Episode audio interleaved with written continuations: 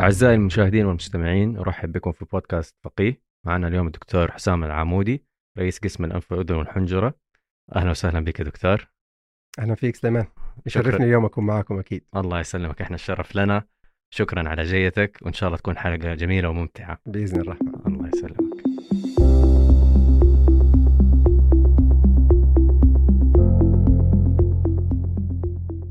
طيب يا دكتور آه، إحنا دائما نبدأ آه، ونسأل على حياة الدكتور في في بداياته يعني. فين كانت طفولتك يا دكتور؟ طيب آه، بسم الله. أنا عاده لما أفكر في حياتي أقسمها كمراحل.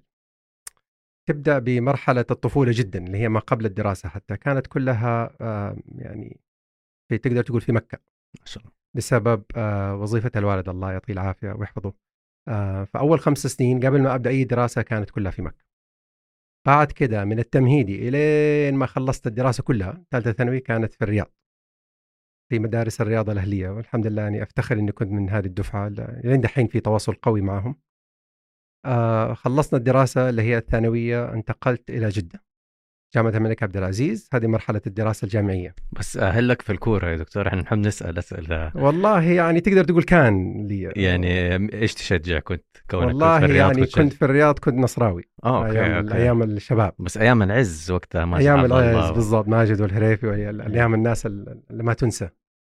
وما أنا- زلت نصراوي ولا؟ لا والله يعني بعد ما سافرت كندا وانقطعت أصلا صلتي بالرياضة ورجعت خلاص يعني فقدت الاهتمام لقيت إنه الوقت أثمن من إنه اضيعه في الكورة صراحة فما صرت أتفرج على ال- الكورة أنا وصلت مرحلة كنت وأنا صغير يعني يعني رحت الناشئين لعبت في ناشئين النصر فترة بسيطة وبعدين ناشئين الهلال فترة بسيطة وبعد كده يعني كان في الملاعب يعني بدري. كان في في بوتنشل إنه كمان والله يعني كان تستمر في بس خلاص يعني شوية الشيب طلع تمتهن يعني كان- كان كرة ممكن. القدم كان ممكن. إيه يا دكتور. وبعدين في دراستك في الجامعة فين كانت؟ جدة. جيت على جامعة الملك عبد العزيز. طبعا برضو هذه ال- ال- الفترة يعني الحاسمة اللي هي كلية الطب. وبعدها سنة الامتياز قضيت سنة كمان في جدة قبل ما أسافر. وتبدأ رحلة الدراسة ما بعد الجامعة اللي هي طبعا دراسة في كندا. طولت في كندا. أنا قعدت آم، أكثر من عشر سنوات. خلصت فيها آه، ال board ال- الكندي في جراحة الأذن والأنف حنجرة. بعدها سويت تخصص دقيق في جراحة الإذن الداخلية والإذن الوسطى وعصب التوازن. آه وبعدها سويت كمان آه، يعني زي التخصص دقيق ثاني في التوازن وأمراض التوازن. جاتني فترة اشتغلت هناك لين ما زوجتي خلصت الدراسة وبعد كده رجعنا. طب إيش ليش اخترت هذا التخصص يا دكتور؟ يعني سؤال متوقع في كل المحا... ال- ال- المقابلات. آم، آم، عادة إحنا كأطباء بنمر بكل التخصصات سواء كان في آه، سنين الدراسة أو في سنة الامتياز فيصير لك يعني آه، تشوف كل شيء. طيب بعد كده تبدأ تفكر. عوامل كثيرة صراحة لازم الواحد لما يختار تخصصه مو فقط يعني فقط يفكر في إنه والله أنا إيش أحب ولا إيش أبغى أسوي حتى كمان تشوف احتياج البلد. يعني أنا مثلا لما بديت أقرر إيش أبغى آخذ تخصص يعني قعدت أسأل إيش في أشياء محتاجها ال ال الناس هنا ما هي موجودة كثير؟ في ناس كثير آه، ما هم متخصصين فيها. فهذه جات فكرة إنه أتخصص حتى في جراحة الأذن والأذن الوسطى.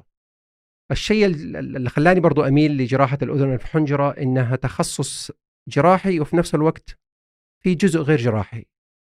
آه تقريبا تقدر تقول 50% ممكن تسوي يعني يعني يكون جراحي تسوي عمليات وكذا وفي ناس ممكن يكون تخصص أذن الحنجرة ولا يعمل أي عمليات. مم. خاصة إذا مثلا وصل سن قريب من التقاعد يقول لك أنا خلاص ما أبغى أسوي عمليات. لكن يظل إنه يشوف مرضى في العيادة ويشوف آه ويعالج مرضى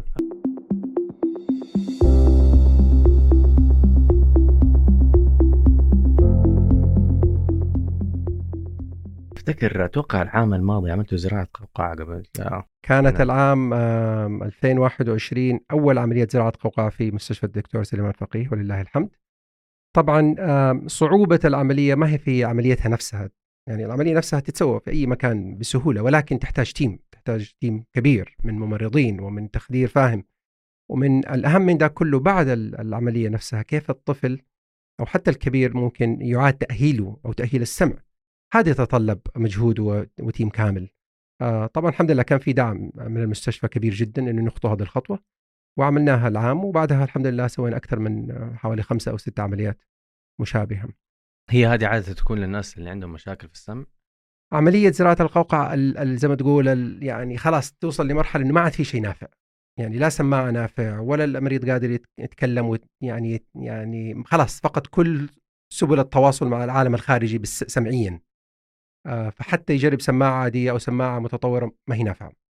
فهنا يجي وضع جهاز داخلي جوة الاذن الداخلية بحيث إنه يثير الأعصاب. الداخلية والمريض يبدأ يسمع. طبعا تكنولوجي جدا جدا عالية. يعني أنت تخيل هذه بدات في تقريبا تقدر تقول من الستينات أو السبعينات يعني ليها حوالي أكثر من 60 70 سنة. طبعا أول ما بدات قصة ظريفة جدا يعني واحد يعني كيف عرف إنه أصلا ممكن الواحد يسمع بسلك كهرباء في الاذن حط سلك كهرباء بمعنى الكلمة. يلا في اذن واحد وشغل الكهرباء ودق ذاك بغي ينفجر. ولكن قال إنه أنا سمعت حاجة. طب ما كان يسمع ولا شيء. فهنا بدأت الأبحاث إنه والله هل نقدر إحنا بشوية كهرباء في الاذن نخلي المريض يسمع؟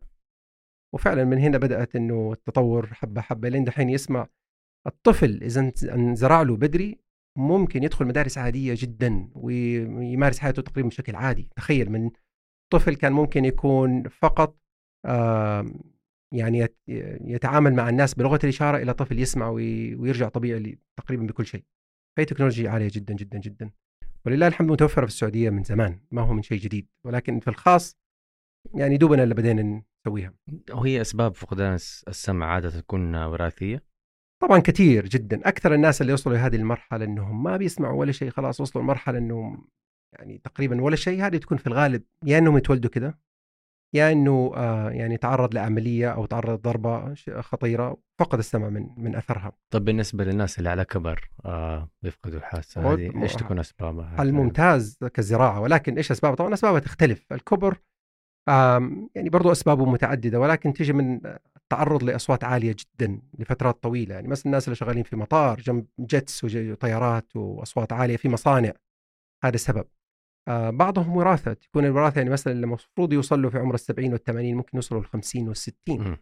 بعضهم يكون آخذين أدوية تسبب آه، نقص في السمع زي الأدوية الكيماوية والأدوية القوية هذه هذه كلها تضر السمع بشكل كبير. طب بالنسبة للعالم ال ENT إيش بالنسبة للحالات في المملكة إيش أكثر الحالات الشائعة؟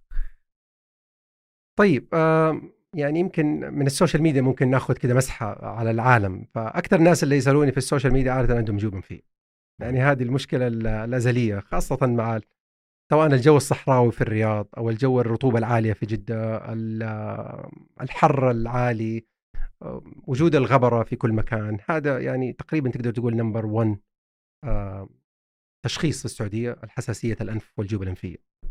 آه، تقريبا لا يخلو بيت حتى من يا حساسية يا التهاب في الجيوب يا مشاكل في الأنف. فهذا شيء يعني نشوفه بشكل يومي.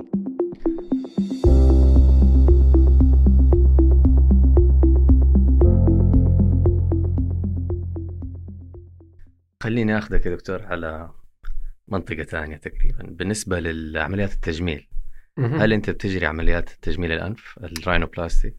آه يعني أنا ما أسويها لا نهائي. آه ولكن هي كانت جزء من تدريب ال- الزمالة الاذن الحنجره في كندا. فيعني كلنا تعلمنا أساسياتها. آه ولكن هذه من الأشياء اللي يعني ما أحب أسويها واللي ليها كده مشاكلها ومرضاها. كثير إيش إيش الأسباب يعني اللي تخليك تبغى تبعد عن الموضوع والله ده؟ يعني واحد كمان خلينا واقعيين أنا من أول يعني من يوم أنا صغير قلت ما بسوي حاجة تجميلية يعني عشان لا أدخل في مسألة الدين واحتمالات أيوه إنه يخش فيها فيها شرعية تيجي يقول لك لا حلال وحرام والله أعلم إيش إنه حكمها فيها ولا دخلت تغيير في ال... أيوه في في الخلق. تغيير وفي بعضها أيوة. ليها داعي وفي بعضها ما لها داعي رغم إنه زملائنا في التجميل بيعملوا عمليات يعني ولا أروع منها سواء للحروق والتشوه الخلقيه مم. الجنينية فهذا بالعكس شيء جميل جدا وما في شك إنه حاجة يعني ليها أجر كبير. آه، ولكن لما تخش في نفس المجال حتبدأ الشيطان يوزك مرة أسوي كذا مرة أسوي كذا مرة أعمل كذا. فأنا فضلت إني أخرج من المجال هذا مرة واحدة. طيب يا دكتور آه، إيش العمليات اللي أنت بتجريها؟ طيب خلينا نتكلم عن شيء كذا عموما أو جنرال أي دكتور أذن الحنجره عنده أكثر من سب سبيشالتي أو تخصص دقيق؟ فمثلا عندك عمليات الحنجرة بأنواعها وفي عمليات الأحبال الصوتية بعد كده في عمليات الأنف وفي عمليات الأذن والأذن الداخلية. آه، عمليات الأورام في جراحة الأذن الحنجرة من يعني من التخصصات المهمة جدا. استئصال الأورام؟ اتصال الأورام الرقبة أورام الفم أورام اللسان هذه كلها جزء لا يتجزأ من جراحة الأنف الأنف والأذن والحنجرة آه، ولكن كل ما تقدمت في العمر وتخصصت حتلاقي نفسك بدأت تبعد عن الأشياء الثانية كلها وتركز في مجالك. فأنا حاليا مثلا أكثر عملياتي كلها في الإذن سواء كانت ترقيع طبلة الأذن آه، تغيير عظمة الركاب زراعة القوقعة زراعة السماعات الزراعية. آه، فهذا التخصص الدقيق يعني بديت أركز في هذا التخصص أكثر وأكثر. على أمل أنه في واحد من الأيام حيكون كل عملياتي هذه. طبعا كل ما واحد طلع على رأس الهرم حيكون صغر كمان في مجاله حيسوي عمليتين أو ثلاثة ويبدع فيها بطريقة أفضل. ولكن تيجي لشيء ثاني في المناوبات بنتعرض لكل حاجة وبالتالي لازم يكون عندك خبرة وكيفيه تتعامل مع كل أنواع العمليات آه، من أصغرها لأكبرها. إيش أكثر هل في عملية معينة لقيت فيها صعوبة أو تعقيد أثناء العملية؟ طبعا آه، يعني أكيد كل واحد فينا لما تتكلم على على صعوبة حيقول لك يعني أكيد مريت بأشياء كثير والصعوبة هذه يمكن يعني بتمر يعني بشكل دوري تقريبا علينا. آه إما صعوبة انك إنك ما تصل لمستوى النجاح اللي تبغاه. يعني الحمد لله أنا يمكن مستوى الصعوبات قل عندي لأن أنا بتخصص في جراحة الأذن والأذن عادة ما فيها صعوبات إلا إنه ما مثلا المريض ما يسمع كويس. يعني ممكن تشيل الورم وتشيل المرض وتشيل تخليه مبسوط وجدا سعيد ولكن ممكن السمع ما يتحسن. فهذه بالنسبة لي تعتبر صعوبة بسيطة. آه في الغالب إن شاء الله نقدر نتخطاها. ولكن تجي في النقيض الصعوبات اللي ممكن تسلك عادة تصير في المناوبات. فأتذكر مثلا في أحد المناوبات آه، وأنا عايش برضو في كندا قبل ما أرجع السعودية مريض كان ماشي في البيت عادي جدا وطاح ورقبته خبطت في الطاولة. الطاولة خبطت هنا تخيل في الحنجرة. آه, آه، ما جاء أول يوم ما حس بأعراض كثير ما جاء ثاني يوم ولكن في نهاية ثاني يوم جاء المستشفى يقول إن صوتي بدأ يروح وحاسس بكتمة بسيطة.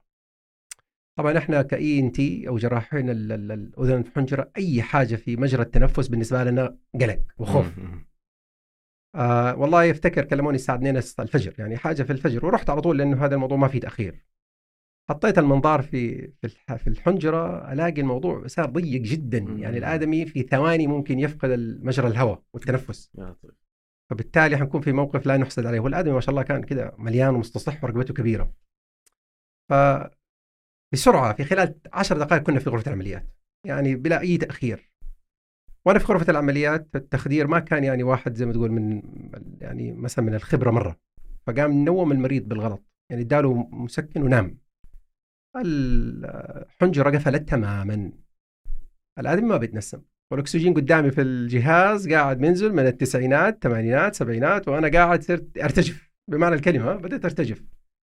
طبعا في هذه اللحظة التخدير حاول مرة مرتين يرجع يحط أنبوب تهوية في الرقبة وفشل فشل تام في ذيك اللحظة قررت إنه لازم أفتح له الشق الحنجري في الحنجرة. ويعني قدامنا بمعنى الكلمة دقائق قد لا تزيد عن خمسة دقائق. طيب والآدمي مليان رقبته كبيرة في ضربة في الرقبة. فبالفعل يعني أنا كنت أعمل عملية بسرعة وأنا قاعد أرتجف. ولكن يعني بأعجوبة وصلت لي مجرى الهواء في خلال يمكن ثلاث أربع دقائق وحطيت أنبوب تهوية وبكذا يعني أنقذنا حياة المريض. يعني بعجوبه بمعنى الكلمة كان بعجوبه حتى حق التخدير جاء بعد العمليات يعني يعتذر ويقول لي أنا معلش يعني غلطة بسيطة ولكن كانت تكلف المريض حياته. فهذه تجربة ما أنساها.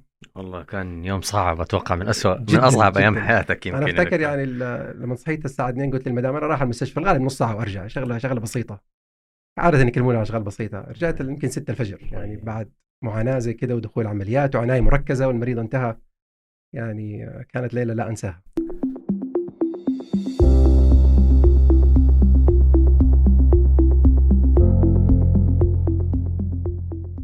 طب حاخذك على ال latest technology أو التكنولوجيا الأحدث التكنولوجيا في عالم ال ENT لو تحب تدخل فيها دكتور تتكلم آه طيب آه الحمد لله يعني أكثر تطور في مجال الأذن الحنجر هو في مجال مجال جراحة الأذن اللي إحنا شغالين فيه يعني. آه طبعا زراعة القوقعه نرجع ثاني لزراعة القوقعه تعتبر المجال يعني الأكثر جاذبية في مجالنا.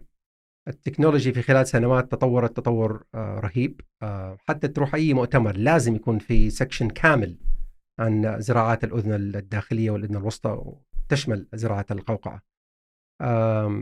ولكن ما يخ... يعني في كل مجال في تطورات. يعني جراحة الحنجرة فيها تطورات. الآن آه، بنعمل آه، زي ال filler. ال filler اللي بنحط في الوجه ولكن في الحبال الصوتية عشان المريض الكبير السن يبدأ يسمع يتكلم بصوت أفضل. آه جراحين الرقبة والأورام بيستخدموا أجهزة متطورة على أساس يشيلوا الأورام بأجراح صغيرة جدا. مثلا الغدة الدرقية الآن ممكن نشيلها في جرح 3 سنتي تخيل. وفي ناس بيسووها بالمنظار. فهذه كلها تطورات في مجال الأذن الحنجره آه في في مجال جراحة الأنف مثلا. أكثر العمليات الآن المعقدة بنعملها بال navigation ال navigation هذا جهاز محاكاة. وأنت في وسط العمليات أنت عارف أنت فين بالضبط في في في في الجيوب الأنفية. هل أنت قريب من حاجة مهمة زي العين أو حاجة مهمة زي العصب النظر أو جنب في المخ؟ ممكن تكون قريب جدا من من المخ. فبالتالي هذه طبعا غيرت آه، جراحات الجيوب الانفيه والحمد لله كلها موجودة عندنا الآن وكلها بتعمل في المستشفى. ممتاز ممتاز. والله كان حديث شيق وممتع للغاية دكتور وأشكرك والله على جيتك. تشرفنا والله بوجودي معكم اليوم. الله يسلمك ويخليك وإن شاء الله المشاهدين يستفيدوا زي ما أنا استفدت.